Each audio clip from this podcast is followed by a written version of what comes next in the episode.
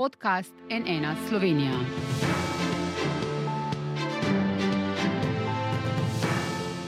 Dobar dan, to je NN studio. Kakšno taktiko bo v letu napovedanih reform, ki v golobovo vlado zagotovo prinaša še več napetosti, ubrala opozicija?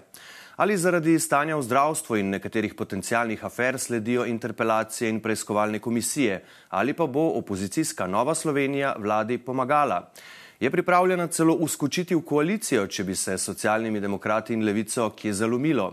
Kaj je v ozadju zadnjih napetosti med NSI in SDS in kaj menijo o načrtih Anžeta Logarja? Bi z njim lažje sodelovali kot z Janezom Janšo?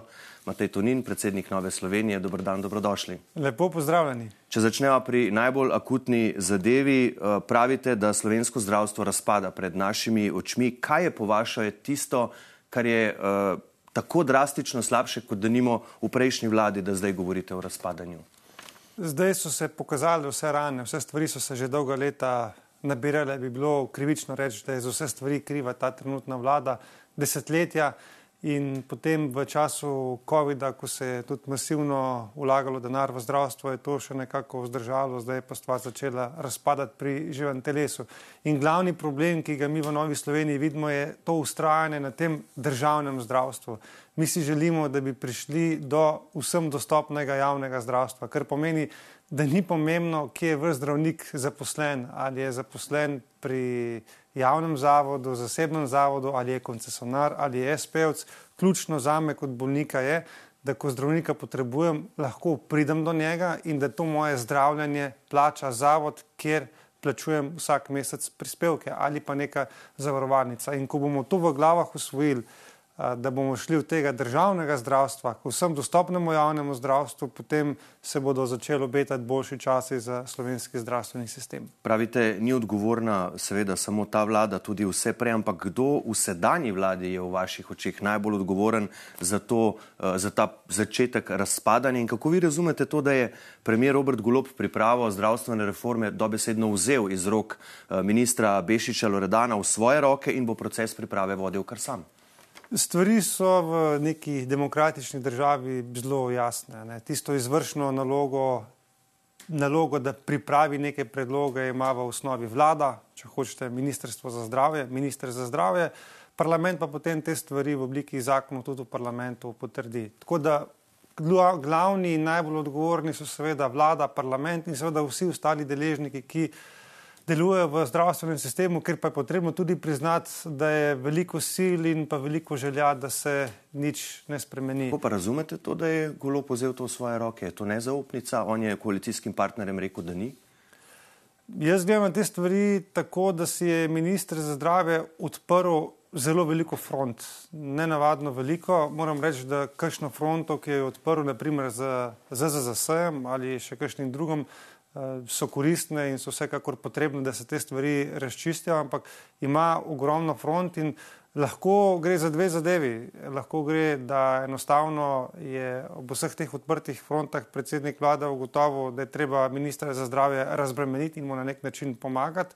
To je ena varijanta, druga varijanta je pa, da se pripravljajo na njegovega naslednika. Katera je, vam pa iskreno povem, da ne vem. Mhm. Ali morda razmišljate o interpelaciji ministra za zdravje, se o tem že pogovarjate z največjo stranko v opoziciji SDS? Ne, o interpelaciji ministra za zdravje se nismo pogovarjali. Zdaj, če smo iskreni, sam ministr za zdravje, razen tega, da ima odprtih veliko front, eh, ni glavni in največji problem. Ključno je, da bi najprej politika začela združevati vse sile in poskušati iskati nek skupni imenovalec. Tukaj jaz pogrešam, predvsem tudi strani vladne strani, da bi bolj intenzivno vključevala tudi opozicijo.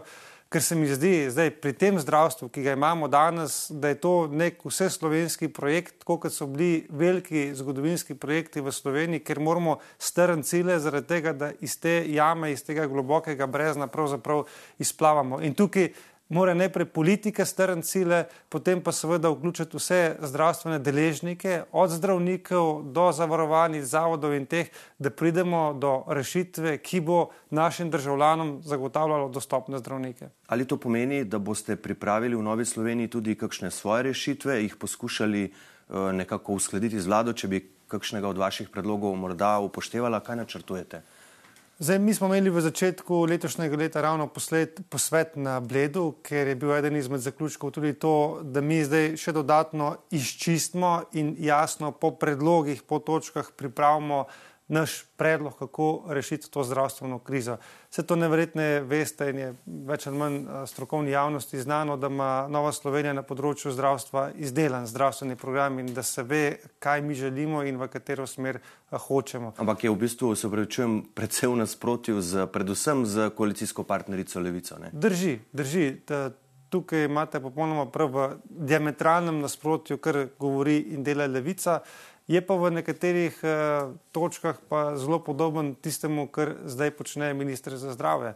In tukaj, če bo ministr za zdravje želel določeno podporo in pomoč, mu jo Nova Slovenija vsekakor lahko ponudi, ker nam ne gre za samega ministra. Ne? Kot sem rekel, ministri smo bili ali pa so uh, potrošljivo blago. Ključno je, da Slovenija končno pride do delujočega zdravstvenega sistema. Mhm.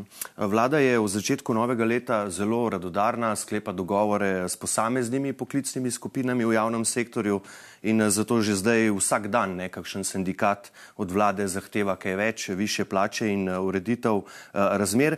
Ali tu kot enega od izvirnih grehov vidite morda tudi Janševe izjave o izstopu zdravnikov iz enotnega plačnega sistema, to je več let nekako uh, razlagal, pa vaša koalicija jim je želela kar s PKP-jem 10 dvigniti uh, plačni strop, pa je potem to ustavilo uh, uh, ustavno sodišče. Ali tudi tu morda vidite enega od izvirnih grehov? Izvirni greh vidim v tem, da se stvari ne prizna in ne pove takšne, kot so. Enotni plačni sistem v javnem sektorju je mrtev, de facto ne obstaja več je napisano na papirju, v praksi pa tega ni. Zaradi tega, ker se je popolnoma izrodil, ker je pomembno, kakšne imaš dodatke, kakšne imaš druge stvari, ne pa to, v katerem plačnem razredu si. Recimo, samo da si boste predstavljali, na Ministrstvu za obrambo, ki sem ga vodil, je bilo 7000 zaposlenih. Ne, jaz sem bil po plači, čeprav sem imel najvišji plačni razred na ministrstvu, na 1258 mestu po plači. Skratka, enotnega plačnega sistema ni več. In če kaj, potem je prejšnja vlada, v kateri je tudi Nova Slovenija sodelovala, poskušala stvari peljati v smeri, da bi ta enotni plačni sistem razbil v pet do sedem vsebinsko povezanih uh, sorodnih stebrov. O čem govorim? Ampak naprimer, ste bili uspešni ne, pri tem? Smo bili, da smo nastavke, naprimer zdravstvom smo se dogovorili, da gremo v smeri enotnega plačnega sistema. Tudi na področju obrambe smo začeli pripravljati vse postopke, da se to zgodi, ampak ključna poanta bi bila, da bi naredili vsebinsko povezane sklope, naprimer zdravstvo, en sklop, obramba, varnost, drugi sklop, recimo šolstvo, izobraževanje, tretji sklop, državna uprava, četrti sklop. Skratka, naredili bi več vsebinsko povezanih in smiselnih sklopov in potem bi znotraj tega začeli zdaj urejati pravična razmerja, upoštevati posebnosti in se pogajati za plače.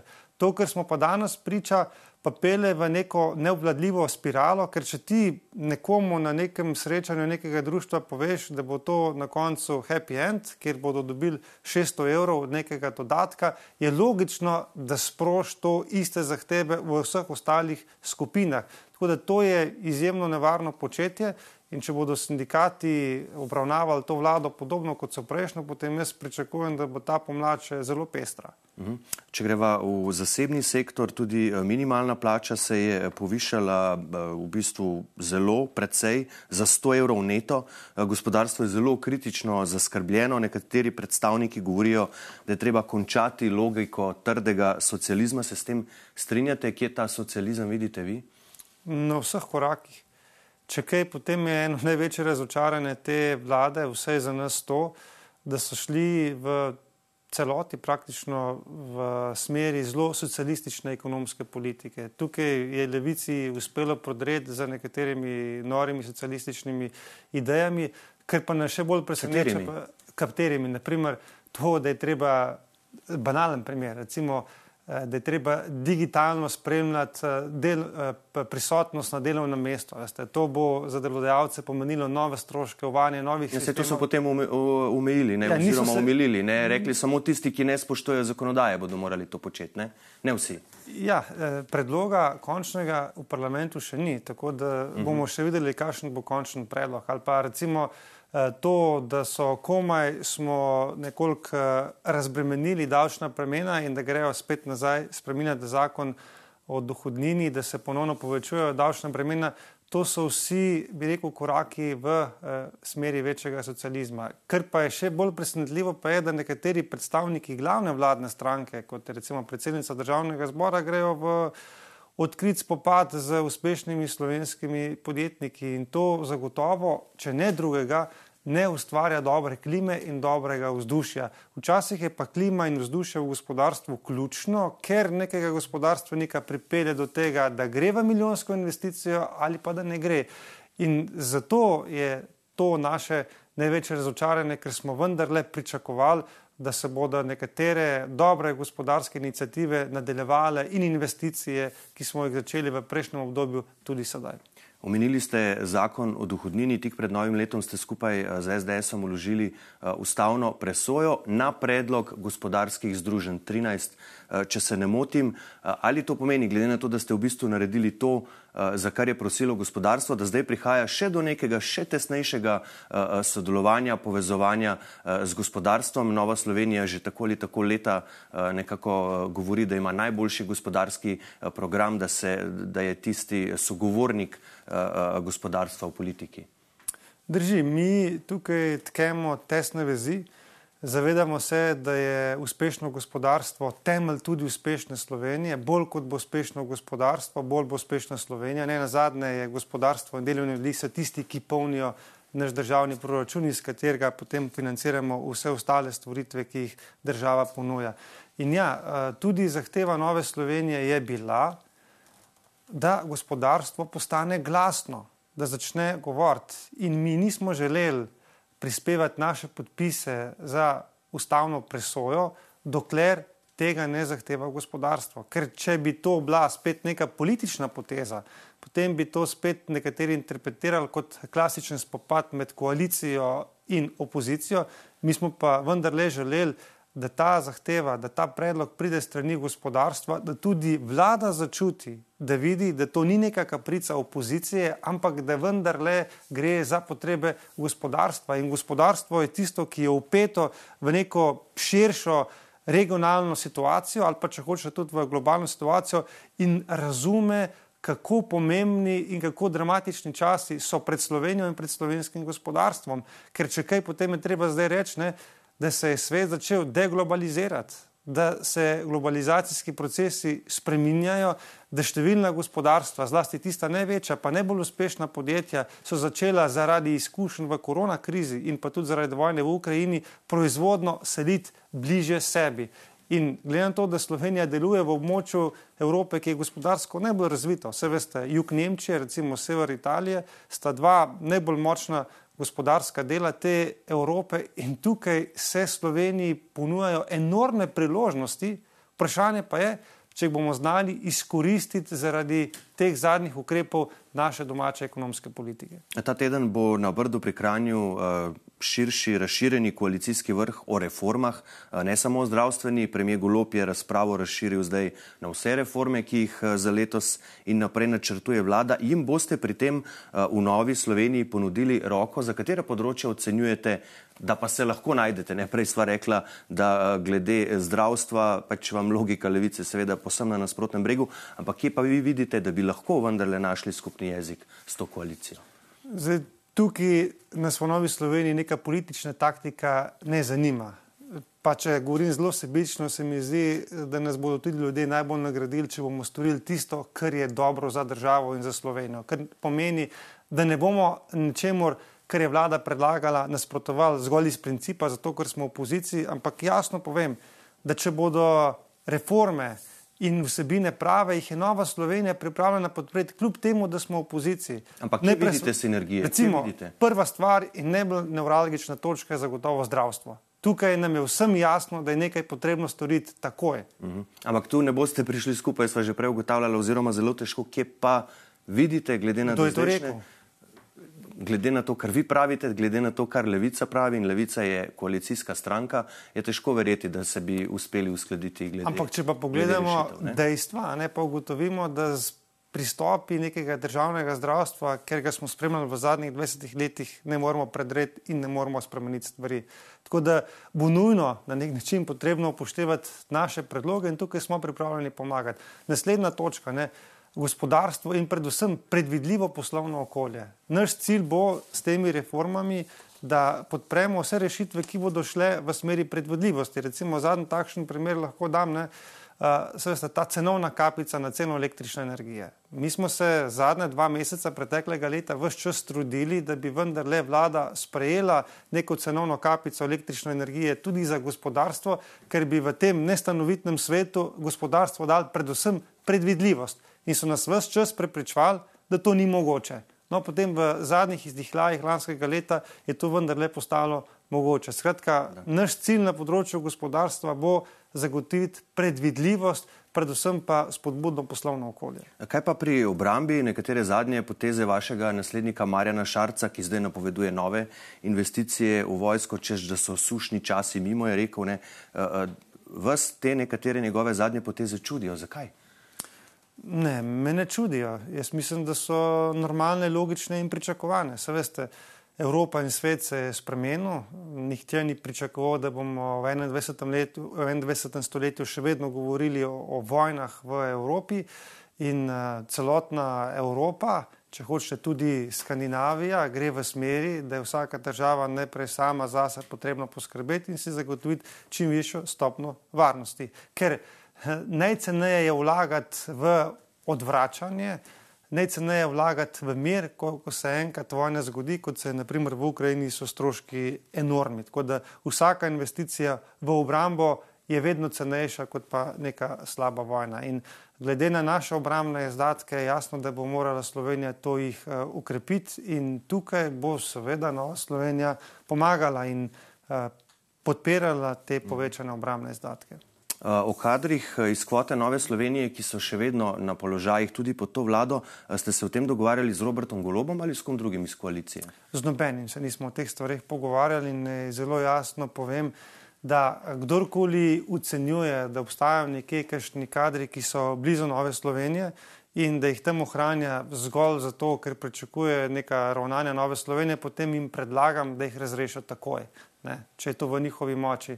Ker jaz si predstavljam, da je nekdo na nekem položaju zaradi njegove sposobnosti, zaradi njegovih kvalitet, če pa temu ni tako, ne, potem pa tam nima kaj iskati. In Nova Slovenija ne bo prilagajala nobenega svojega, svoje aktivnosti, ne svojih dejavnosti zaradi uh, kakršnih koli nekih uh, kadrovskih pozicij. Ampak kadre SDS in bivše SMC odstavljajo tistih iz vaše kvote, pa ne. Torej, to na ključje ali menite, da delajo tako dobro, da ravno vaše puščajo, če jih samo nekatere uh, naštejem, Valentin Hajdinjak, najbolj očiten primer na Darsu, Janez Tomšič, član uprave SDH, Denis Bele, nadzornik HSE, Matej Čepelnik, nadzornik, dva TDK. V teh primerih uh, so menjali vse, samo vaše so postili. Oziroma gospoda uh, uh, Čepelnika so celo še enkrat imenovali si ne znam si predstavljati, kaj bi imeli proti tem ljudem, uh mhm. -huh. ker mi smo se, torej uh, vse ljudi, ki smo jih mi predlagali v SDH, ki je neposredno odgovoren za potem vse ostala kadrovanja, smo se trudili, da smo predlagali čim bolj strokovne in kompetentne ljudi. In jaz verjamem, da je tudi nova garnitura ugotovila, da so te ljudje kompetentni in strokovni in zato so tudi ohranili svoje mesta. Še enkrat pa podarjam, Če pa kdorkoli pričakuje, da jih tam drži zaradi tega, ker pričakuje neka drugačna ravnanja Nove Slovenije, se pa krepko moti in jim predlagam, da jih, če je to zaradi tega, so na teh pozicijah, jaz mislim, da so zaradi svojih sposobnosti, potem ne ravnajo tako, kot mislijo, da je prav. Kdo bi si tudi lahko razlagal, da vam torej golo počitno ni zameril, eh, da ni dobil novega mandata na čelu GENI na izredno zahtevo vaše stranke in vašega ministra za infrastrukturo Jrneja Vrtovca, tako pravi takratni premijer Janez Janša? Zdaj, te stvari so seveda neresnične in ne drži, da je Nova Slovenija, niti ne Jrnej Vrtovc, eh, zahteval to menjavo na vrhu genija. Tako Torej, da- gospod Janša laže, to želite reči. Ne, jaz sem te zgodbe slišal že zelo pogosto v Ljubljani in pa njeni okolici, kjer se eh, zlasti potencira, češ, kako smo mi vplivali na menjavo v geniju in tudi Roberta Goloba. Ja, to smo že večkrat povedali, da s tem nimamo nič. In z vsemi temi stvarmi so pač stali organi, ki se s temi stvarmi ukvarjajo, v konkretnem primeru SDH in pa tisti, ki so bili lastniško povezani z genijem. Ampak gospod Vrtovec je še preden se je to zgodilo, da gospod Golop ni dobil novega mandata, napovedoval, da je konec časov, ko so nekateri vse čas na položajih in mislijo, da se jim nič ne more zgoditi. To drži in jaz mislim, da na načelnem smislu je to absolutno bilo potrebno povdariti, ker eh, nihče, nihče ne more ustrajati na neki poziciji zaradi nekih starih zaslug, če v sedanjosti ne dela dobro. Tako da mislim, da je bil ta njegov komentar na mestu. Drugače pa, če se boste spomnili neke tarče, eh, ki je bila v teh eh, turbulentnih časih, ko so se obravnavale menjave na geniju, je sam Robert Golob povedal, da z njegovo zamenjavo minister Vrtovec nima nič. Ampak gospod Janša pa pravi, ga bom kar citiral, novega mandata ni dobil na izredno zahtevo NSI in ministra Jrneja Vrtovca, kamor je v prejšnjem mandatu spadala energetika. Torej, gospod Janša, po vaše ne govori resnice. To ne drži, kar je rekel gospod Janša. Mhm. Ali ste uh, kot stranka, uh, glede na to tudi, kar ste že prej rekli, ali torej kot stranka z osmimi poslanskimi glasovi uh, v nobenem primeru niste pripravljeni vskočiti v koalicijo uh, z Golobovo svobodo, če se mu z SD in Levico uh, karkoli zalomi. Namreč svoboda bi lahko vladala tudi samo z vašimi glasovi. Oni jih imajo 41, vi jih imate 8, 49 je večina ali zato obstaja kakršnakoli možnost. To smo že neštetokrat povedali, da je za novo Slovenijo ključna vsebina. In če se mi lahko glede neke vsebine dogovorimo, potem je sodelovanje možno. Glede na trenutno ekonomsko politiko te vlade, jaz te možnosti ne vidim. Mhm. Ja, ker prejšnji teden se je vodstvo vaše stranke sestalo na dvodnevnem posvetu in ugotavljali ste, da je interes za sodelovanje z golobovo vlado uplahnil. Torej, očitno je bil. Mi smo bili v preteklosti vedno povabljeni v vse vladne koalicije. Bi rekel, začenši z, spomnim se leta 2011, pa potem uh, 2014, 2018, vedno so nas pretendenti za predsednika vlade tudi vse formalno povabili na koalicijska pogajanja.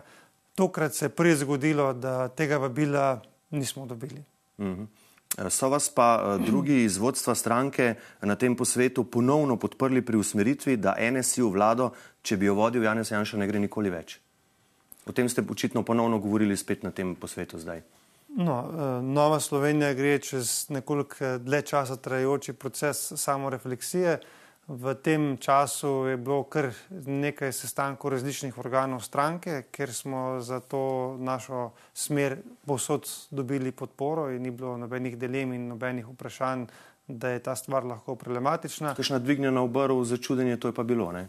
No, ampak v vsaki demokratični stranki se ljudje pogovarjajo, mm. lahko postavljajo tudi kritična vprašanja. Ne na zadnje, tudi so bila kašne razprave, ki so to postavljale pod vprašanje, ampak na koncu razprave je vendarle bila enotna ocena, da so bile naše odločitve pravilne. In seveda ta proces samorefleksije teče še naprej. Jaz sem vesel, da je tudi naših, veliko naših članov pripravilo pisne prispevke, tako da smo rekli, da bo ta proces res mm. poglobljen, kaj mi lahko sami na sebi storimo za to, da bo v Sloveniji znova začela zmagovati desno sredina, ker neka normalna demokratična država, za katero jaz upam, da Slovenija je, potrebuje vsej dve ali pa tri, štiri politične grupacije, ki so v vsakem trenutku pripravljene prevzeti odgovornost in uh, voditi vlado. Zato se mi zdi pomembno, da se desno sredina okrepi in zato je bil eden od med, izmed zaključkov tega bleskega posveta tudi to, da bomo pač intenzivno delali na neki razvojni koaliciji, kar pomeni, da želimo povabiti uh, k sodelovanju pa to ne bo nič formalnega, da ne bo kakšne zmote. Ampak, ampak vseeno malo pojasnite, o kakšni razvojni koaliciji ja, govorite. Zdi se mi, da uh, pri vseh teh napadih, ki jih je bilo v zadnjem času deležno gospodarstvo in pa tudi o vse splošni klimi v Sloveniji, ki je vedno bolj sprta in če kaj potem je potrebno reči, da je sedanji vladi spodletelo, da bi po obdobju prejšnje vlade, ko je bilo izrečenih veliko kritik, vendarle s to svojo avtoriteto, ki je dobila na volitvah, narod povezalo, ne pa ga še naprej delilo. In mi vendarle zaznavamo, da je v Sloveniji ogromno dobrih ljudi, ustvarjalnih ljudi, eh, ki so tako v politiki, kot tudi v gospodarstvu, ali pa če želite v nevladnih organizacijah. In mi želimo, da se ta glas sliši, da na nek način politika gospodarstvo in pa tudi nevladne organizacije sodelujejo med seboj, soglasne in izpostavljajo predvsem ukrepe in rešitve, ki bi to Slovenijo končno normalizirale in jo postavili obok najbolj razvitih držav v Evropi. Zato se moram reči, sliši predvsej podobno kot to, kar govori uh, Anže Logar, predsedniški uh, kandidat, ki ni zmagal v drugem krogu, načrtuje nekakšno inicijativo oziroma platformo, kjer bi se pogovarjali točno uh, o teh oziroma podobnih stvarih, kot vi pravite, tudi iz podobnih uh, razlogov, ampak k temu še prideva, uh, če se vrnemo k temu, da ne želite več v vlado, ki bi jo vodil Janša. On se je na to odzval precej posmehljivo, čež da je enako govorila Ljudmila Novak, pa so jo potem odstavili tisti, ki so ji polagali te besede v usta in ki so potem ustoličili vas, vi pa, da se iz te lekcije niste nič naučili. Tudi Anže Logar je v intervjuju v tem studiu dejal, da vas ne razume, eh, da mu tudi časovno takšno pozicioniranje zdaj, ko ne bo nobenih volitev, ni logično. Zakaj torej ravno zdaj in kako odgovarjate Anže to Logarju? Če kaj, potem je bila ena zelo pomembna lekcija v vsej slovenski politični zgodovini tam, da kadarkoli je bila ta država enotna, kadarkoli je dihala z obema pljučnima kriloma, levim in desnim, potem je dosegla velike zgodovinske stvari. Pa če začneva od osamosvojitve do vstopa v Evropsko unijo in še kaj. In tisto je, kar danes pogrešamo, da bi znova se začeli v tej Sloveniji pogovarjati o konceptih, kako želimo mi razvijati to našo državo, kam želimo peljati gospodarstvo, kam želimo peljati zdravstvo, zaradi tega, da bo naša Slovenija ponovno uspešna, da bomo na njih ponosni in da bomo resnično lahko živeli neka dostojna življenja. In tukaj je bila ugotovitev zelo preprosta, ne? da se teh stvari ne da delati, če se vse čas pogovarjamo o eni in isti osebi, ker se ljudje na volitvah ne opredeljujejo v nekem konceptu, v nekih rešitvah, ampak zgolj o tem, ali neki osebi nasprotujejo ali ne. In jaz mislim, da so to vrabci čivkali na veji, da druge možnosti praktično, če želimo neke normalne diskusije v Sloveniji, nismo imeli. In te vsebi se seveda v zadnjih dveh letih uh, vi, uh, tudi vi, uh, omogočali vladanje, pa bi z Anžetom Logarjem na čelo SDS lažje sodelovali kot z Janšo? Mi z Anžetom Mogorjem nimamo nobenih težav. Uh mhm. -huh. Torej bi tudi šli v vlado, ki bi jo vodil on, če bi do, pač do take situacije prišlo. Seveda. Uh -huh, uh -huh. Ali vi, glede na to, kar je gospod Logar povedal v tem intervjuju za NN, uh, jasnim odgovorom se je izmikal, menite, da uh, Anže Logar ne upa izvati Jane Zajanše na mesto predsednika SDS? Kaj se dogaja v SDS-u, ni moja stvar in me tudi ne zanima. Za me je bistveno. Imate pa svoje mnenje o tem najbrž, ne? Ampak je ne bistveno. Uh -huh. Moja dožnost in odgovornost je, da poskrbim za novo Slovenijo. Če kaj, potem sem ponosen, da nam je v vseh teh letih uh, uspelo izgraditi neko odpornost. Ne sprašujem zato, ker ste pač se jasno opredelili glede neke druge stranke in njenega predsednika. Zdaj, ko vas pa vprašam za neko stališče, o tej stranki pa, pa pravite, da to ni vaše. Ne, stvar. jaz se ne opredeljujem glede druge stranke in tudi glede drugega predsednika. Jaz se opredeljujem zgolj glede mm. Nove Slovenije. In Nova Slovenija bo v nekih okoliščinah, morda ko bo razpadla sedanja poslanska skupina Svobode, morda po naslednjih volitvah, mm. ne vem kdaj, prišel čas, ko bo Nova Slovenija poprašana, koga bo podprla za predsednika vlade. In jaz mislim, da je to dožnost Nove Slovenije in da to je naša pristojnost, da povemo, koga bomo podprli za predsednika vlade in koga ne. Tako kot je morda kdo drug iz kakšne druge stranke nam povedal, kdo je primeren za kakšno dožnost in kdo ni. Tako da mi v ničemer, v ničemer ne posegamo v druge stranke. Mi zgolj povemo jasno naša stališča in to ne dva, tri dni pred volitvami ali nekaj mesecev pred volitvami, ampak danes, ko so še volitve daleč pred nami. Pa držijo informacije, da Anžeta Logarja v prvem krogu niste želeli podpreti kot predsedniškega kandidata zaradi njegovega arogantnega pristopa. Pravi, da, podporo, da vas je za podporo prosil, neuradno pa smo poslušali, da je nastopil v smislu, če se Nova Slovenija sploh nima nobene druge možnosti, kot da me podpre. Moja ocena je, da je bil Borod Pahor izjemen predsednik republike, ki je predvsem združeval in povezoval ljudi. In mi smo si želeli v Novi Sloveniji takšnega predsednika tudi v tem mandatu. In gospod Logar je želel v kampanji v marsičem posnemati. Ne? Tako je. In v, prvem, v prvih začetkih te kampanje, bi rekel še poleti, nekje junija preteklega leta, se je zdelo, kot da je ta bitka že vnaprej odana, da bo edino vprašanje, ali bo predsednica Nataša Pircmusar ali Marta Kos. In v teh okoliščinah smo seveda eh, v Novi Sloveniji želeli prispevati, da najprej do drugega kroga pride in da ima v drugem krogu desno-sredinski kandidat eh, realne možnosti, da se ta zmaga tudi zgodi. In uh, da se drugi krog zgodi, je ključno, da mobiliziramo čim več naših voljivcev, da se teh volitev tudi udeleži. In če imajo voljivci včasih preveč skoncentrirano izbiro zgolj na enega kandidata, potem je lahko problem tudi volilna udeležba. Ja, niste mi sicer odgovorili na vprašanje, ali je gospod Logar tudi vas že povabil na pogovore o inicijativi, ki jo želi ustanoviti. Z gospodom Logarjem so se pogovarjala že večkrat v preteklosti, kaj lahko vsi skupaj, kot nekoliko mlajša generacija, storimo za to, da Slovenijo povežemo in da naredimo Slovenijo bolj uspešno. Kaj pa zdaj v zadnjem obdobju? Ne, ta konec tedna smo razkrili, da se je že srečal z nekdanjim predsednikom Borutom Pahorjem in nekdanjim premijem eh, Mirom Cerarjem. Eh, kako gledate na takšne pobude? Eh, vidite Novo Slovenijo tu zraven pri teh pogovorjih, da bo to neka še širša povezava? Ali menite, da gre za začetek ustanavljanja nove stranke Žeta Logarja? Mislim, da je on to zanikal in to prav v vašem intervjuju, ampak se pravim, to ni moja stvar, kaj se dogaja v drugi stranki. Jaz pozdravljam te njegove aktivnosti, da bo peljal neke pogovore, neke dialoge o prihodnosti Slovenije. Meni se zdi to koristno. Pa vidite zraven? Meni se, men se zdi to potrebno. Imamo pa vendarle različne odgovornosti. On zdaj kot eden izmed poslancev SDS-a si lahko privošči, da pelje to vrstne pogovore o prihodnosti Slovenije.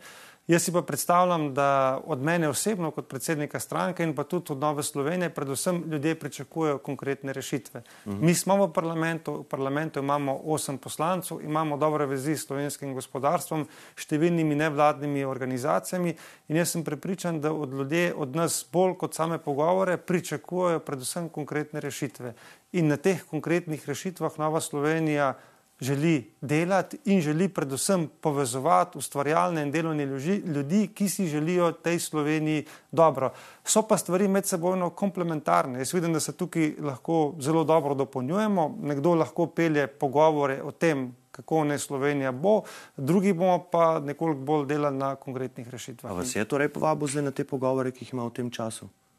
Torej ste tudi Jaz... vi del tega? Zdaj, zdaj še za nobeno okroglo mizo ne vem, da se bo zgodilo. Ne, ne, pač on vabi, govoril je z gospodom Pahorjem, smo razkrili včeraj z gospodom Ne, po novem letu mi dva nismo govorili. Uh -huh. Odnosi med eh, strankama SDS in NSI sicer ostajajo napeti, zdaj spet vas javno pozivajo, predvsem predsednik stranke Janša, da prispevate podpise za preiskovalno komisijo o golobovem delovanju v GENI, na kar da čakajo že od maja, pravijo. Vi pa pravite, da naj najprej imenujejo člane komisije Komisije za nadzor obveščevalnih in varnostnih služb, torej KNOVS, eh, ki jim pripadajo, ampak tega nočejo storiti, ker ni vaših podpisov. Ne? Torej, zdaj očitno nobena od eh, obeh strani noče popustiti. Zakaj ne? E, to je edini vzvod, ki ga imamo mi do SDS-a. Mi želimo, da se opozicija obnaša odgovorno, da zagotovimo najprej parlamentarni nadzor nad delom obveščevalnih in varnostnih služb, ker SDS tukaj ni želela sodelovati, mora Nova Slovenija v celoti prevzeti breme in v to komisijo imenovati štiri poslance. Za nas z osmimi poslanci je to veliko breme, ampak se nam zdi pomembno, da ta komisija deluje, da sploh imamo nadzor nad varnostnimi in obveščevalnimi službami.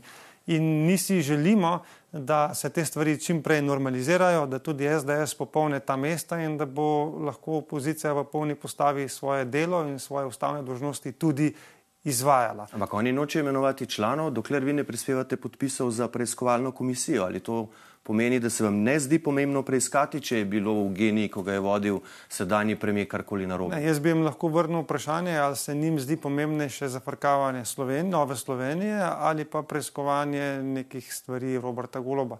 Oni se morajo odločiti, ampak vrstni red je pa popolnoma jasen. Najprej moramo popolniti odbore in komisije v parlamentu, da začne opozicija resno delovati in nadzirati stvari, ki jih po poslovniku mora. Ne. Potem v drugem delu je pa seveda možna tudi ustanovitev te preiskovalne komisije. In že več vidnih predstavnikov Nove Slovenije je to jasno in glasno povedalo, da ni vprašanje, ali bomo te podpise dali za to preiskovalno komisijo.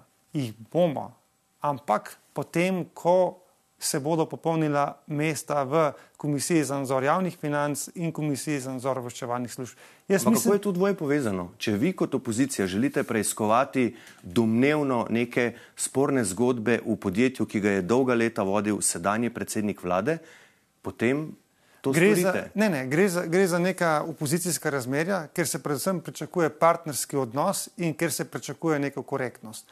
In uh, ključna stvar, ki je, ne, zaradi tega, ker SDS ne popolni svojih mest v Komisiji za nadzor javnih financ, v tem trenutku poslovniško ta komisija nima opozicijske večine in težko dela, težko sprejema sklepe, ker ima na mesto, da bi imela opozicija večino, ima še vedno koalicija. To je prvi problem. Ne? Drugi problem, če mi sami ne bi imenovali štirih poslancev v komisijo za nadzor obveščevalnih služb, ta sploh ne bi začela delovati. Zdaj, za nas, poslansko skupino osmih poslancev, je to veliko breme in zato predlagamo, da se te stvari pravično porazdelijo in da začnemo skupaj resno gledati pod prste vladni koaliciji. In niste in pripravljeni to... popustiti pri teh zahtevah, če prav razumem? Ne, mislim, če mi pri teh stvarih eh, popuščamo, potem lahko z nami vsakdo dela, kar želi. Veste, tukaj gre čisto za neko osnovno etiko in korektnost in za nek normalen parlamentarni vrstni red. In še enkrat, ne, ni nobeno vprašanje prispevanja predpis, podpisov za to preiskovalno komisijo. Imamo pa te pogoje, ki so javno in vnaprej znani. Tako da eh, jaz bi si želel, da se ta vprašanja nehajo naslavljati name, ampak da se začnejo naslavljati na največjo opozicijsko stranko, kdaj bo začela odgovorno delati v teh dveh komisijah. Oni pravijo, ko bo Nova Slovenija uh, dala podpise. Eh, dejstvo pa je, da ste jim, gospod Tunin, pa ko ste bili skupaj v vladi, pa kar na nekih točkah uh, popustili. Zdaj v opoziciji je očitno uh, no, dejte, drugače. Na, na, nave, navedite dve. Navedem dve. dve. Glede, če začnemo pri COVID-nih ukrepih. Ne? Covidni ukrepi so bili sporočeni sredi noči na Twitterju, konec epidemije na Twitterju uh, uh, in tako naprej. Ste vas je o tem predsednik vlade karkoli povprašal ali je bila to njegova osebna odločitev? Ne, tukaj ni bilo nobenega popuščanja, celo več. Te covidne ukrepe smo skupaj snovali. Ure in ure smo sedeli na brdu pri Kranju, skupaj z zdravstveno stroko, tako da smo te stvari skupaj sooblikovali in jih tudi sprejemali. Tako da tukaj mu nismo ničesar popuščali, ker smo stvari skupaj sooblikovali. Druga stvar. Če se vrnem še k COVID ukrepom, spomnim se, ko so bili odpravljeni vsi, ne, je bilo nekako stroka je zahtevala, da, da se ne odpravijo vsi, vi ste pa potem iz dneva v dan na vladi predlaga, prelagali razpravo o tem eh, in potem na koncu, mislim, da je bila to nedelja, sprejeli odločitev, da se sproščajo vsi uh, veljavni ukrepi omejitveni. Ali pri tej zahtevi torej niste popustili predsedniku vlade? Ne vem, če ste me slišali, ampak vse COVID-ne ukrepe smo so ustvarjali skupaj. Je pa res, da smo. Ampak pa... stroka, govorili ste o tem, da stroko upoštevate, na koncu pa glede sproščanja niste upoštevali. Ne? Uh, glede sproščanja, glede da. nošenja mask, mislite? Ko smo v državi praktično odpravili vse ukrepe, to je bilo v zaključku vaše vlade. Ja, ampak eh, pozabite pa povedati to, da smo imeli nad sabo že odločitev ustavnega sodišča, ki je praktično v celoti minirala naše odloke. Ne? Če se pa eh, še vrnem k popuščanju pri zadevi delegirani tuživci, pri zadevi imenovanja na splošno državnih tuživcev, zadeva STA, Tu bi rekli, da niste popuščali? Ne, nismo popuščali. Veste, recimo, kar se tiče STA-ja, vi veste, da smo mi, ministri Nove Slovenije, sami sklepali pogodbe z STA-jem, sami. Zaradi tega, ker to ni bilo v naši moči, ampak je bilo v, vlad, v moči vladne službe. Glede delegiranih toživcev, pa meni je zelo žal, ampak jaz sem to, če hočete, se s pepelom posul, da to sta bili dve nesmiselni stvari prejšnje vlade, glede tega STA-ja, ker na koncu rezultata je točen takšen, ki je bil na začetku, ko se je šlo v nek eh, boj z STA-jem in isto pri delegiranih toživcih. Na koncu sta bila imenovana točno tista dva, proti katerima se jih je na nek način poskušali onemogočiti, da se imenujete. Ampak mi smo te stvari opozarjali v vladi, uh -huh. res pa je, da teh stvari nismo govorili na pločniku pred vladi. Ne vem pa, ne vem pa uh -huh. kje ne bi v teh stvarih popuščali. Malo sem vas izval. Ne? Ne, seveda, vse je prav, ampak vam, vas ob tem jaz še spomnim, da ste jasno rekli, da ne podpirate ministra za okolje in prostor Andreja Vizjaka. Ne, torej, če nečesa ali nekoga ne podpiraš, to pomeni, da si proti. Na glasovanju o njegovi interpelaciji ste bili pozdržani in tega torej niste storili. In gospod Vizjak je po tistih posnetkih o trenju jajc sodnikom ostal na svojem položaju. Morda bi Imate veljalo spomniti še na to, bova pa na tej točki zaključila, da se ne bova preveč zaplezala v to. Gospod Tunin, najlepša hvala, da ste prišli na NN in bili naš gost. Prosim. Hvala pa tudi vam za vašo pozornost. Seveda vse o aktualni politični situaciji v Sloveniji vse čas spremljamo na naši spletni strani nnainfo.si. Iz studija pa le še lepo zdrav in nasvidenje.